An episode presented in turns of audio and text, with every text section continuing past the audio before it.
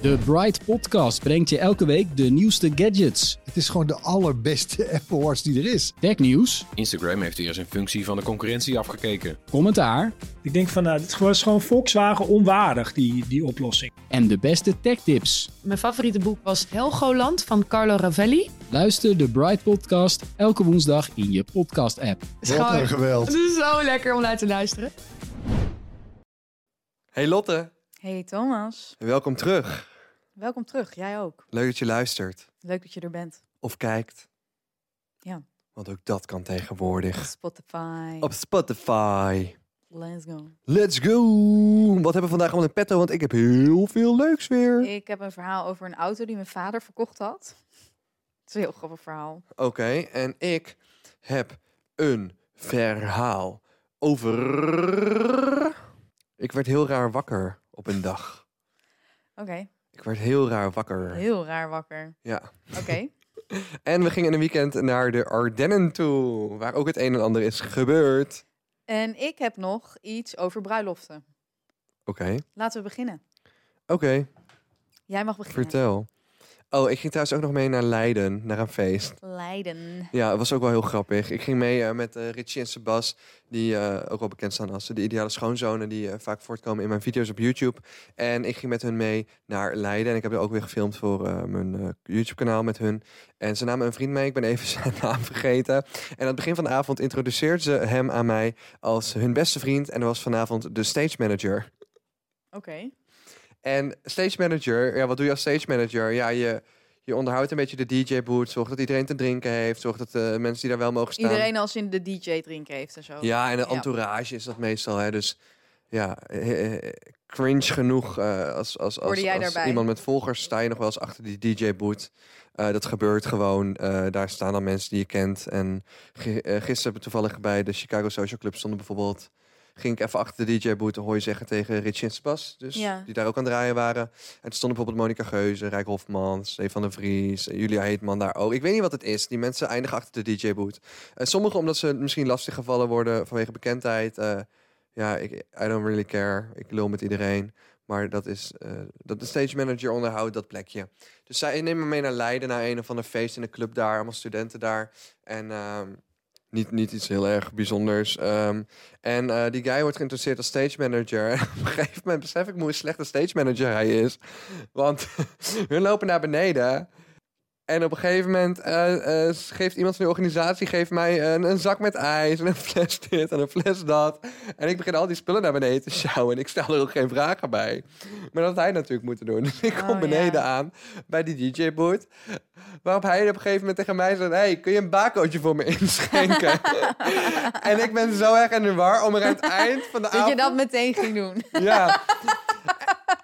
Oh, ik zeg, jij bent de kutste stage manager ooit. Ik zeg, wat is dit? Ik ben gewoon mee als Mattie om een beetje te filmen.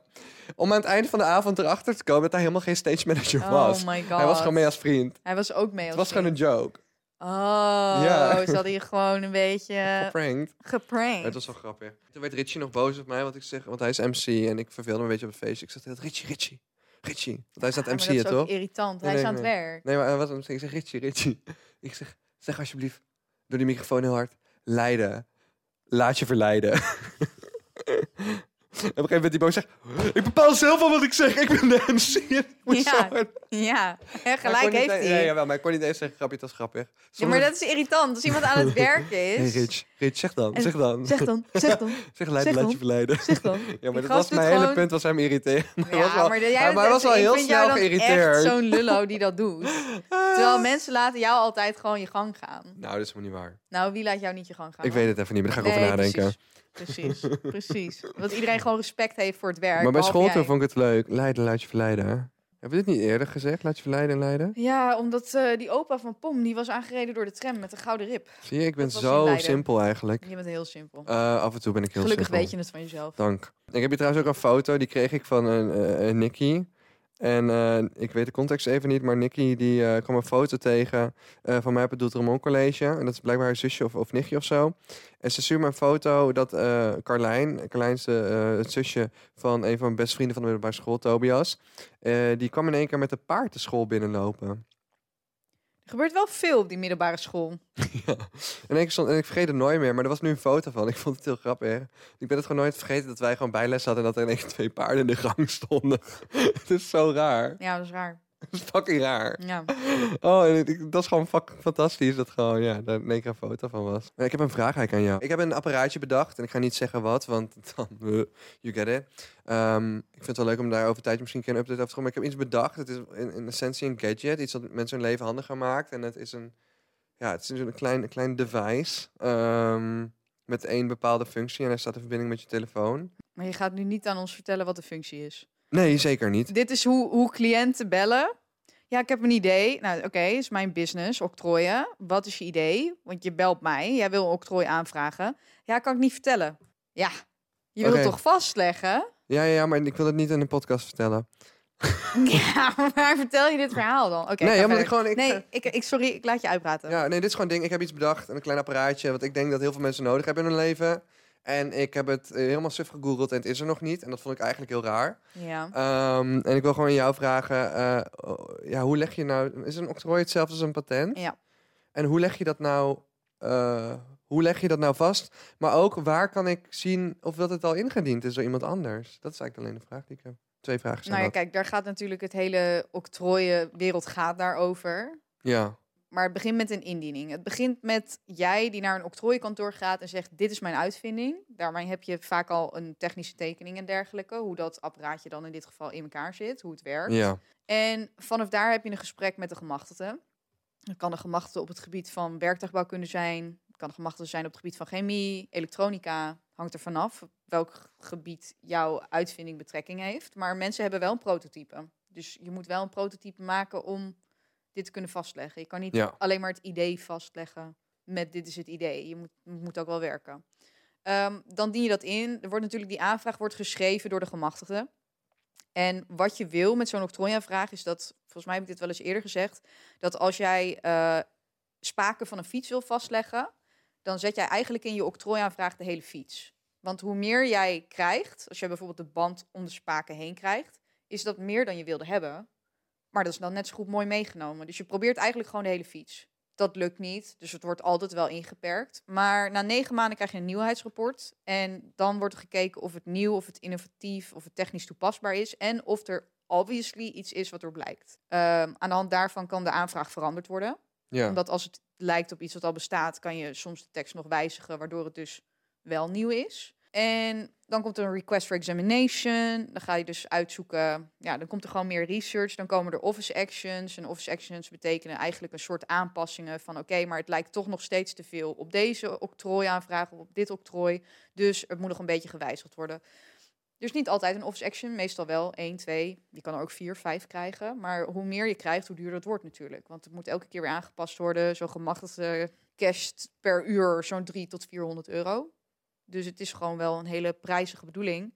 En uiteindelijk krijg je eh, in Europa een intention to grant. Wat betekent van we gaan hem verlenen. Maar dan zou er nog steeds iets kunnen gebeuren dat er ineens nog iets naar boven komt van oh, bestaat wel. Oh, jammer, je bent al twee jaar bezig. Kut voor je.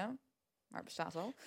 Is er een soort van, want ik weet bij het merkrechtenregister, eh, BOIP, boy, eh, daar kun je dus ehm, zoeken naar of dat een bepaalde merknaam al geregistreerd is. Ja, maar dit is anders. Dus jij moet, je kan naar het Europees, nou ja, ik weet niet waar je hem zou willen indienen. Je kan hem ook in Nederland indienen. In Nederland wordt er eigenlijk geen examination gedaan. Je kan er wel voor kiezen om een internationale search te doen. Dat betekent dus dat het Nederlands octrooibureau de hulp in gaat roepen van het Europees octrooibureau. Om te kijken van, bestaat het al? Is het nieuw? Is het innovatief? Is het technisch toepasbaar? Dus wat je ziet is dat mensen vaak een Nederlandse aanvraag indienen. Zo van, dit is de eerste aanvraag omdat die niet zo prijzig is. En vanaf daar gaan ze dan naar Europa. Dat heet prioriteit claimen. En dan claim je prioriteit van de Nederlander. Dus het idee ligt dan in de Nederlander. Maar die ga je een soort uitwaaieren naar een groter gebied. Alleen, ja, je kan in het Europees register zoeken of het al bestaat. Maar je moet het, je moet het goed formuleren. Dus ja, kan je alleen maar aanraden om het Europees register te checken. Maar, maar- En daar staan alle Nederlandse aanvragen ook in. Mm, nee, niet allemaal. Hangt er vanaf of ze daarna naar een Europese aanvraag zijn gegaan. Anders moet je het Nederlands register checken. Maar als je gewoon Nederlands octrooiregister intoetst op Google... of Espasnet, Lieselot, Espasnet, dus jouw schatje. Wie is Lieselot? Lieselot is mijn, een vriendinnetje van mij, ex-collega. Oh. En Toen ze bij mij kwam werken bij het vorige kantoor, toen had ze het altijd over Espasnet. Maar ik gebruikte Espasnet nooit, dus ik dacht, ah, what the fuck. Maar Espasnet is een soort van combinatie die alle registers bij elkaar heeft. Daar kun je gratis in. Maar je moet wel weten hoe je moet zoeken. dus Ja, je kan ook precies. zoeken op octrooinummers en zo. Maar ja, dat heb je allemaal niet. Dus jij moet op titel gaan zoeken. Maar ja, dan moet je maar net weer zo formuleren dat je dat kan vinden. En het is niet makkelijk natuurlijk. Wordt vervolgd. Ja, jammer dat we niet... Kan je een soort van iets van een richting geven waar dit apparaatje... Want je zegt mensen hebben hier wat aan. Nee, nee, nee. Want het is, heel, het is zo simpel. En Is het voor medicatie? Nee, nee, nee, nee. nee. Mensen, he- iedereen heeft hier wat aan. Eh, meeste mensen wel, ja. Ik, is wel Wat is meeste me- Je kan wel een beetje toespitsen, Toon, want wij hebben echt allemaal geen idee. Een herkenbaar probleem kan het oplossen voor iedereen met een rijbewijs. Meer ga ik niet Oké, zeggen. nou dat vind ik een goeie. Kunnen we erover nadenken? Wordt vervolgd. Esp Espasnet. Maar het is toch niet een vervanging van een rijbewijs, want dat gaat ze doen Nee, nee, nee, voorbij. nee, nee, nee, Oké. nee, nee, nee. Nou, nee, top. Eh, wordt vervolgd. En misschien word ik Thanks for nothing. Vroeger wilde ik uitvinder worden, dus... ja, ehm, dat heb je wel eens gezegd. Ja, dat is echt nog steeds mijn Willy Wonka. Ik moet nog wel een keer een uitvinding doen in mijn leven, vind ik. Doe het. Wat ik heel op heb geschreven, wat ik heel grappig vind, is stoere mannelijke boxers. Weet Ja. je wel. Die ehm eh, zo'n stare-down gaan doen. En het echt het grappigste wat ik vind daaraan is dat ze elkaar een kusje geven. Soms geven ze elkaar een kusje. Ja. Ja, soms en dat geven vind ik elkaar- zo mooi. Twee van die agressieve mannen bijna met hun hoofd Ja. tegen elkaar. En soms geven ze elkaar een kusje. Dat vind ik het gewoon- grootste teken van mannelijkheid. Is als je in die situatie zoveel scheiden, dat je elkaar gewoon een kusje geeft. Maar soms geeft de ene een kusje en is de ander helemaal niet blij mee. Dat kan ook. Ja, maar dan soms breekt- heb je... Dat betekent dus dat je iemands mannelijkheid hebt gebroken. En I love that. Ja. Dat is de funniest thing te Maar zien. soms heb je ook dat ze gewoon allebei een kusje geven. En dan vinden ze het ook fucking grappig. Ja, Iedereen vindt het dan fucking grappig. Oh echt? Dat heb ik nog nooit gezien. Ik heb alleen Oh, gezien dat ze ruzie krijgen. En dat vind ik Oh, tering nee, grappig. nee. Oh ja, ik ga even straks even vertellen hoe ik wakker ben geworden. Oh ja. Dat is heel raar. Heel, heel raar werd hij wakker. Ja. Welke kleur mag je niet op een bruiloft dragen? Ik vraag het even aan Gerben. Wat? Ik vraag het even aan Gerben. Arme Gerben. Ehm, mensen, wel, eh, mensen hadden heel veel vragen nog aan Gerben. Ja? Ja, mensen vonden dat heel leuk, volgens mij, ja. Over de kleurenblindheid. Ja, gewoon om al die verhalen die wij ooit al verteld hadden, die kwamen nu tot eh, werkelijke uiting. Welke kleur mag je niet op een bruiloft dragen? Wit is niet eens een kleur, maar dat draag je dus sowieso wel. Maar wie draagt het wel? De bruidegom? Nee, de brui- bruid, noem je dat? ja, bruid. de bruid. Maar... De rest mag dus geen wit dragen? Ja. Oh echt? Vrouwen mogen eh, eigenlijk gewoon... Ja, eigenlijk geen wit. Maar dat klopt geen je vraagstelling niet, want wit is geen kleur. Excuses, ik dacht dat je dit weet. Want we gaan vanaf hier namelijk nog verder. Ik dacht dat het een beetje door. common knowledge was. Dat je weet dat je geen wit mag dragen op een bruiloft. Maar er idee. is nog een kleur die je, niet mag, die je eigenlijk Eh, niet mag dragen op een bruiloft. Rood, Ja. Waarom denk je? omdat er rode rozen zijn. Nee. De kleur van bloed. Mm, nou, nee. Je, Van- begon- je, ging, je ging zo lekker. Maar Vandaag is rood de kleur van mijn lippen. Jouw lippen. Hier staat... Een iets minder bekende regel is dat je ook geen rood zou mogen dragen op een bruiloft. Maar waarom is dat eigenlijk? Rood wordt gezien als een sexy en passionele kleur. Als je als vrouw rood kleedt, val je daarmee, daarmee te veel op en stil je De show. eh, de aandacht van de bruid. Dus dat wist ik ook niet. Dus voor iedereen die dit niet wist, geen rood dragen naar een bruiloft. Mag ik rood dragen naar jouw niet. bruiloft? Ik ga helemaal niet trouwen. Als Heel- ik getrouwd ben, dan laat ik het je later weten dat dat al gebeurd is. Ik heb dus laatst ook van een... Ik had een, een, een, lunch met eh, een van mijn... eh, ja, Van je wat? ik wil bijna zeggen... Ik, er zijn gewoon een paar Een onder... van mijn verloofden. Nee, nee, er zijn dus een paar ondernemers die ik al, al best wel lang ken en die zelf agencies hebben en zo. En die hebben mij best wel in een vroeg stadium al gesport met T-Mac en zo. En ik lunch gewoon vaak met die mensen. Gewoon een paar keer per jaar zie ik zo iedereen van hun wel een keer gewoon voor een lunch. En dan krijg ik altijd advies. Dus ik zou bijna willen zeggen mijn adviseurs. Ja. En een soort matties ook. Maar echt heel aardig dat die mensen mij helpen. Want die zijn allemaal 40 jaar of ouder. Ja. Eh, dus dat is heel chill. En eh, eentje adviseerde mij om nooit te gaan trouwen. Ja, heb ik wel vaker gehoord van mensen die getrouwd zijn en gescheiden Ja, zijn. want als ondernemer, je moet echt niet trouwen, want je zet al je geld op het spel. Het is echt het domste wat je kan doen. En ik had het met mijn vader over. Zei, ja, maar Thomas, dat is ook heel slim, want dan weet je ook zeker dat een chick nooit voor je geld trouwt. Hoe bedoel je? Nou, dan weet je zeker dat er iemand niet bij je is voor het geld. Oh, als je niet trouwt, bedoel je? Ja, Maar je kan toch, zeg maar, ook trouwen... Je kan 50-50 doen, of niet? ja, maar je is gewoon meer dingen gebonden. Je bent gewoon veel vrijer als je uit elkaar gaat. Je zit niet in financiële heftige afwikkelingen als je niet getrouwd bent. En als je wel getrouwd bent, dan zijn er juridisch gewoon heel veel stappen die Ja, je kan waar. zetten om je leeg te trekken. Of soms zelfs de helft van je vermogen mee te nemen. En dat is wat golddiggers vaak het liefst willen doen. Trouwen en dan snel uit elkaar gaan. Like, het heeft ook helemaal geen zin. Like, het zorgt wel voor een soort loyaliteit. Dan weet je wel waarvoor je bij elkaar bent. Maar er zijn heel veel vrouwen die heel graag willen trouwen. Ja, maar dat trouw je symbolisch zonder het officiële deel. Dus je zegt wel de bruiloft, maar niet naar de gemeente toe. De liefde vieren. Maar zou je dat doen?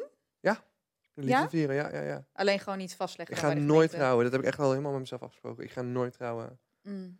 Ja, het is goed dat je het weet. Ja, het is slim. Ik raad het ook iedereen aan. Als je, als je onderneemt of, of geld gaat verdienen veel, dan don't trouw. Ik zou het, nou, het zou voor mij niet per se hoeven. Ik heb ook in een bruidswinkel gewerkt. En dan als, ze, zeg maar, als de winkel gesloten was, dan gingen de collega's die ik had, die gingen dan zelf trouwjurken aandoen. Omdat ze dat heel leuk vonden. Dat heb ik nooit gedaan. Dus het is niet een droom die ik heb. Maar als ik zou trouwen, dan zou ik dus denk ik juist niet het feest doen. Zou ik wel gewoon wettelijk trouwen. En dan zou ik daarna gewoon, weet ik veel, een maand op huwelijksreis gaan of zo. Met een rijke vent. Ja, misschien. Dan moet je sowieso trouwen. Dat Maar vanaf hoef de ook andere niet kant per se- bekeken. Ik hoef ook niet per se te trouwen, maar ik zou wel gewoon een dikke ring willen hebben. Dat is het denk ik oh ja, meer. maar dat kan sowieso. ik ja. wil meer wel gewoon de, de dikke ring. Die vind ik wel chill. Maar ik Ja. hoef niet die jurk bijvoorbeeld. Daar Dik- heb ik dan niks mee. Dikke kokring. Nou, Goed, dit is ook duidelijk weer de derde podcast die we achter elkaar opnemen.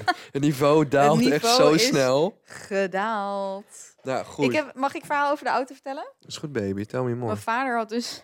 ehm, mijn vader is dus best wel fan van soort van. Hoe noem je, hoe noem je gewoon Oldtimers. wagens, oldtimers uit een soort Rare van de. Tweede Wereldoorlogperiode. Dat vindt hij echt fantastisch. Dus geldt voor motoren, geldt voor auto's en zo. En er is een periode geweest dat mijn vader echt 14 auto's had. Ik overdrijf niet. Hij had er 14, waarvan er één reed. En die andere waren gewoon allemaal van dat soort legerjeepjes of, of dingen die hij dan op de kop had getikt. Van ja, het was maar 500 euro. Maar ja, als het niet rijdt, en je moet er zoveel geld in steken. Eh, dus er is een periode geweest hij best wel wat auto's verkocht heeft. En als een van de laatste auto's, want ik geloof dat hij heeft er nu nog één waar hij mee rijdt. Zijn vriendin heeft er één waar ze mee rijdt. En er staat nog... Nou, nee, er zijn nog jeeps, want ik heb een jeep gehad. Die is weer terug naar hem gegaan, maar die rijdt niet meer. Nou ja, weet ik veel. Ze hebben twee werkende auto's en iets van vier auto's die niet werken. En eentje daarvan was een legerjeep. En die stond al sinds hij in België ging wonen in de schuur. Dus al wel tien jaar. Nooit mee gereden ook. Het was echt zo'n soort van... Echt zo'n groot jeepje wel. Het was een soort poeg, was het? Hebben jullie een nog gezien bij jullie? Heb ik die gezien nog? Ja, hij stond ergens een soort van in een hoekje weggeschoven, want hij reed niet. Maar hij had geld nodig. Dus hij had die Jeep te koop aangeboden. En daar had een verzamelaar op gereageerd. Die dus, want hij koopt dan wel dingen die dan weer net limited edition zijn en zo. Dus waar hij dan wel weer gewoon geld aan kan verdienen. Dus hij had er volgens mij een paar duizend euro aan verdiend. Nou ja, ik weet niet waar hij het geld voor nodig had, maar dat was dus top. Die man daar helemaal blij mee. En omdat die Jeep natuurlijk tien jaar niet had gereden, had hij een, ehm, een car meegenomen waar die, waar die Jeep opgezet kon worden. Die Poeg Jeep, ik weet niet precies welk merk het was. Maar hij reed gewoon. Dus hij had gewoon tien jaar stilgestaan, toen reed hij. Dus toen hadden ze die Poeg op de car gezet. En toen had hij dus met zijn eigen auto en de car waar die Poeg op stond, was hij naar huis gereden. Helemaal blij ermee. Perfect voor zijn verzameling. Nou, helemaal Ja. top.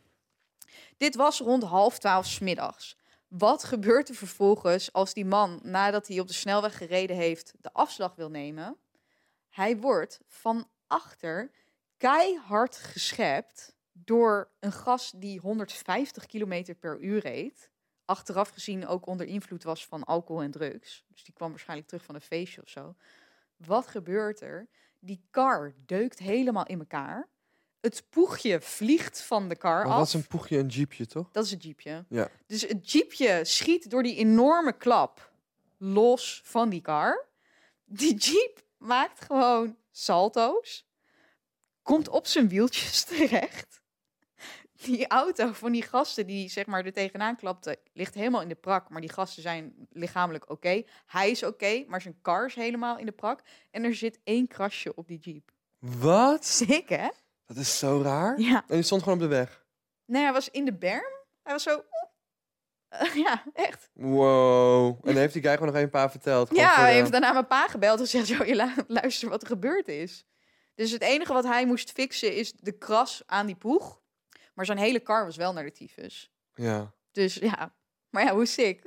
En staat die die poeg, die staat tien jaar lang in een uithoek in de Ja. garage. Dan gaat hij eruit. En daarna, want hij was gewoon goed vastgezet, maakte gewoon een salto.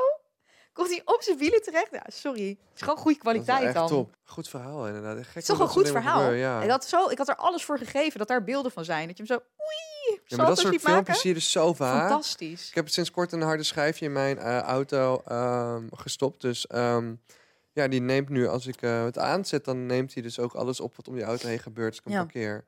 Maar ook als ik dus rij, dat neemt hij allemaal op. Ja. Er zit 250 gigabyte in, dus ik hoop ook dat er keer iets grappigs op de weg gebeurt. Want dan kan ik een leuke TikTok van maken. Ja, dat is mooi. Of dat mensen gewoon dat je hem ergens geparkeerd hebt en dat mensen super dronken zijn en op hun bek gaan of zo. Dat is ook grappig. Ja, ik had laatst bijvoorbeeld een man eh, die voor mijn neus gewoon keihard de rood reed. En dat ik de andere guy, dat ik naar een guy zo naast me kijk en wij kijken elkaar aan. We doen echt allebei zo hand om schouders omhoog van wat deed deze guy? Want het is fucking gevaarlijk. Echt maar voor gevaarlijk. mij is het gewoon per ongeluk of zo. Of die guy was gewoon niet aan het opletten. Of hij zag het niet. Of hij zag er niet. Nou ja, en toen in één keer werd ik laatst wakker. Met een, Oh ja, je werd heel raar wakker. Ik werd heel raar wakker. Want ik werd wakker van een soort, ja, ik dacht een soort pamfluit of zo. En ik kijk uit de raam en ik kon niks vinden. Ik zie iemand anders ook uit het raam kijken. En ik denk, dit is zo Iemand random. anders hoorde de panfluit ook. Ja, maar ik kon me niet helemaal zeg maar, begrijpen waar het vandaan kwam. Dus ik kon wel die gebouwen vanaf mijn balkon zeg maar, zien. En ik dacht van, ik snap eigenlijk niet zo goed waar het vandaan komt. En ik woon ja, vier hoog, dus ik heb best wel goed overzicht. Ik dacht, wat hoor ik nou? En op een gegeven moment herken ik het liedje. En het is zeg maar het liedje van... I like the flowers, I like the daffodils, I like the mountains. Ken je dat? Ja. I like the... En dan doe, akka, doe, akka, doe, akka, Ja. doe. Dus ik dit is zo'n fucking corny nummer om te spelen op een fluit Op of zo. En ik kon het gewoon niet thuisbrengen. Maar ik dacht, op een of andere dacht ik, gewoon, oké, er staat gewoon iemands muziek staat aan. Ja. Het is gewoon een, een YouTube-video of zo. Tot ik op een gegeven moment mijn vizier krijg op waar het vandaan komt. En ik zie ergens verder weg op een balkon twee mensen tegenover elkaar zitten. ja. En die ene persoon is gewoon een kopje thee aan het drinken. En die chick die tegenover diegene zit, is op een blokfluit aan het spelen. Wat een vibe. wat een vibe. En de hele buurt vibe. kan meegenieten in de zon. En ik dacht echt van... Dus jij hebt A, besloten dit te doen. B, je hebt dit fucking corny nummer uitgekozen. En C, je hebt bedacht van... Hé, hey, de rest van de buurt vindt het waarschijnlijk ook wel nice. Heb je een foto of filmpje gemaakt? Ik wou het nog filmen, maar Oh, toen stopte jammer. het al. Jammer. En dat was zo droog. je kent het wel, maar dan echt... Dan, dan een valse blokfluit. Een soort van semi. Ja, niet Valse vals, maar die blokfluit, ook al speel je het zuiver, het is altijd zo'n zo'n soort van... Op het moment dat je wisselt tussen die noten, heb je altijd zo'n vals momentje. En het was gewoon fucking grappig. Het was gewoon één meme. Ik had dat echt willen filmen. Hoe heet die grote versie van die blokfluit? Er was ook zo'n soort grotere versie. Oh ja. Oh, hoe heet die? Hij was meestal lichtbruin. Zal ik die een van je kopen? Nee? Jawel. Hoe heet die? Grote Niet de dwarsfluit? De Nee. dwarsfluit gaat naar de zijkant. Oh, een klarinet? Nee, niet de nee, klarinet. de klarinet is zwart. Deze was, dit was een grote blokfluit. Hoe heet zo'n klarinet ook weer met zo'n eh, zo'n rietje op de voorkant? Dat weet ik niet. Oh, hier heb je alle blokfluiten. Grootbas blokfluit. Is het een grootbas blokfluit? Zal ik een blokfluit voor je kopen? Waarom? Ja.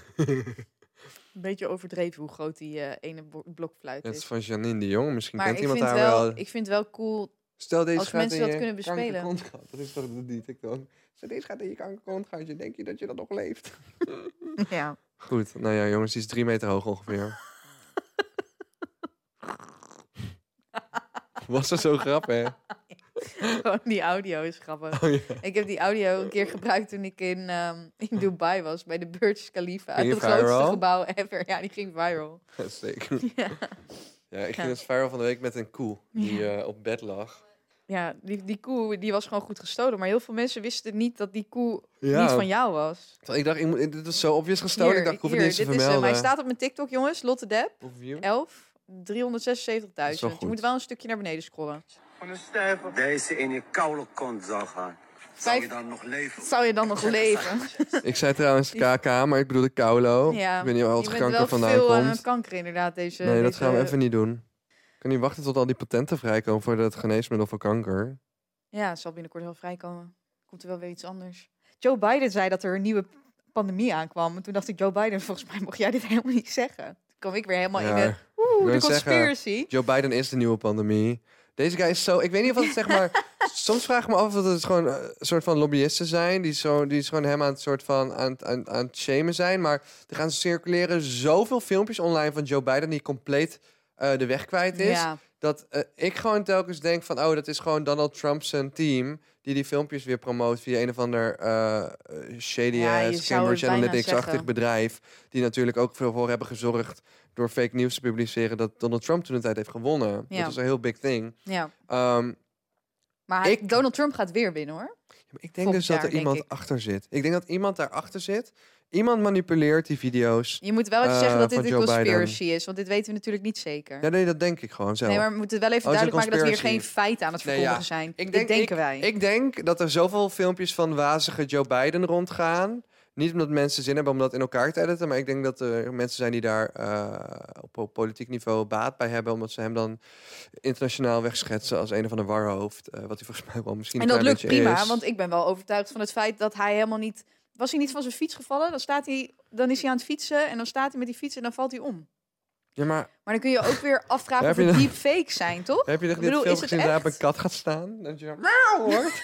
Nee. Maar volgens mij is dat dus ook geëdit. Maar Dat moet overal, wel. hij komt nooit, hij wordt nergens een keer erg serieus neergezet. En ik zie ook niks van hem. Ik bedoel, Donald Trump. Ja, en, die was ehm, overal de hele tijd in het nieuws, ook toen hij president was. En Joe Biden lees ik niet zoveel over. Ja, en eh, Jo- zo, Jo- Jo- Donald Trump en Obama waren constant in het nieuws. Ja.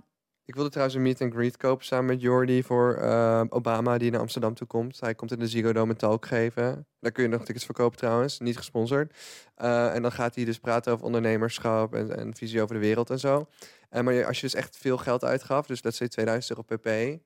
Eh, dan, dan kon je dus een meet and greet doen met Obama. Mocht je met hem op de foto. En Voor ik, 2000 euro. ja, of 1500 pp. Of je, moest je, je moest sowieso twee tickets kopen. En ik wilde dat doen met Jordi. Want ik dacht, yo, een foto met Obama is me echt wel 1500 euro waard. Ik kan het gewoon zakelijk aftrekken, want het is gewoon voor mijn Instagram. En ik dacht zo van, yo, ik ga dit gewoon doen. Dit is, dit is live shit. Gewoon, ik ga een TikTok maken van, nou, met Obama en zo. Eh, maar die tickets waren natuurlijk ziek uitverkocht. Oh, jammer. Ja, gewoon elke ondernemer heeft dat waarschijnlijk gewoon snel op de kop getikt. Like, iedereen wil Obama ontmoeten. Het is een zieke flex. Super vet. Maar ja, Obama komt dus naar de Ziggo Dome en je komt meet and greet tickets kopen. Kun je dat geloven? Dat klinkt echt als een fucking joke. Een goede Wat ga je morgen doen? Ja, meet and greet met Obama. Goeie business die guy en dat verdient fucking Goeie veel geld businessman. hiermee. Hij verdient echt heel veel geld. Nadat hij zeg maar niet meer president was, Ja. verdient hij met inderdaad spreken over de hele wereld en zo, verdient hij super veel geld. En dat vind ik heel erg leuk, want je ziet heel vaak dat premiers in Nederland of ex-presidenten een soort van de corporate bedrijfstop eh, ingaan. En ik vind het leuk dat de Obama's geld verdienen met een manier eh, waar andere mensen iets van kunnen leren. Want er worden boeken geschreven, er zijn podcasts, er zijn van allerlei dingen. En de- de- deze talk die nu in de Ziggo Dome plaatsvindt en de wereld rondtoert. Ja, dat vind ik wel vet. Ik vind het ook What wel a good way to make money, hè? Ja. In plaats van dat hij zou zeggen, ik ga nu eh, werken voor... eh, weet ik veel, Ja, waar moet je voor werken als je president van de Verenigde Staten bent geweest voor twee ambtstermijnen ook? Ja, wat moet je doen? Niks meer. Daar heb je voor, dat was je doel. Dat was je doel, zeg maar. Ja, dat je is wel een goed einddoel. Ja, Alhoewel, ik vind Elon Musk vind ik cooler dan elke Amerikaanse president ooit. Elon Musk is echt de shit. Kanye West ook. Zij hebben echt... Zij zitten in een soort, soort vaarwater waarbij wel- de ik vind doelen het nooit wel op cool dat- zijn. Elon Musk zijn idool Kanye West is. And I get it. Ik vind dat wel cool. Oh mijn god, Kanye is zo'n visionair. Het is bizar. Ik heb een tijd niks van hem gehoord. Ja, Kanye heeft me een tijd niet gebeld. Mij ook niet helaas. ik kan nog steeds niet geloven dat PJ hem heeft ontmoet en met hem heeft gewerkt. Heeft PJ hem ontmoet ook? Ja. Oh, ik dacht dat hij alleen voor hem gewerkt had. Nee, hebben echt, die hebben inderdaad. PJ is een van mijn beste vrienden. Hij heeft alles voor Team Mac ook ontworpen, mensen. En hij heeft dus, ehm, hij is nu een albumcover aan het designen voor een grote Amerikaanse artiest ook. En Maar wat vond PJ dan van zijn ontmoeting met Kanye? eh, dat, hij zei Kanye was heel aardig en geïnteresseerd. En eh, eh, wat je heel erg merkt aan Kanye is dat hij, eh, hij neemt iedereen's feedback best wel serieus, zeg maar. maar dat, nee, dat hoorde ik weer in de podcast van David Dobrik trouwens, sorry. Ehm, dat ging ook even over Kanye. Ja. Eh, over een moment dat ehm Kanye nog niemand is en een beat heeft gemaakt voor Jay-Z. En dat Jay-Z nog niet eens in de studio is en hij helemaal aan het braggen is over zijn beat. This is the fucking best beat ever. Jay- Jay-Z is gonna love it. En dat is Ja, ja. Hij had altijd dat zelfvertrouwen maar ook het feit dat hij ja. die documentaire heeft gemaakt die al 30 jaar in de maak is of zo. Dat geeft al gewoon aan van, yo, hij wist gewoon van, ik ga het maken. En ik neem een cameracrew mee in alles. ja, het is fucking hard. Dat is bizar, doen is maar echt de hardste mensen. guy ter wereld. En ik denk echt dat heel veel mensen niet zien wat voor invloed hij heeft gehad op de muziekindustrie en popcultuur over het algemeen. Ik denk echt dat, het, dat hij bijna met dood moet gaan voor mensen om dat allemaal te beseffen ooit. Als je daar meer interesse in hebt, moet je even het filmpje eh, zoeken. Iets van Kanye, The Voice, Voice Unleashed of zo. Het is een, een, een filmpje van, van volgens mij Fox eh, The Human Voice Deconstructed. Echt een fucking goed filmpje. Ik kom gewoon heel vaak mensen tegen die, die doen alsof Drake en zo ongeveer hetzelfde hebben bereikt als Kanye. En daar Nee, geloof ik gewoon echt niet. Eh, dat is echt Dat vind ik ook niet. kun je bijna niet met elkaar vergelijken. Zoek op Kanye Deconstructed, The Human Voice as the Ultimate Instrument. En dat is een filmpje eh, van zes jaar geleden waarin dus helemaal wordt uitgelegd hoe Kanye gewoon de muziekindustrie voor eens en altijd heeft veranderd.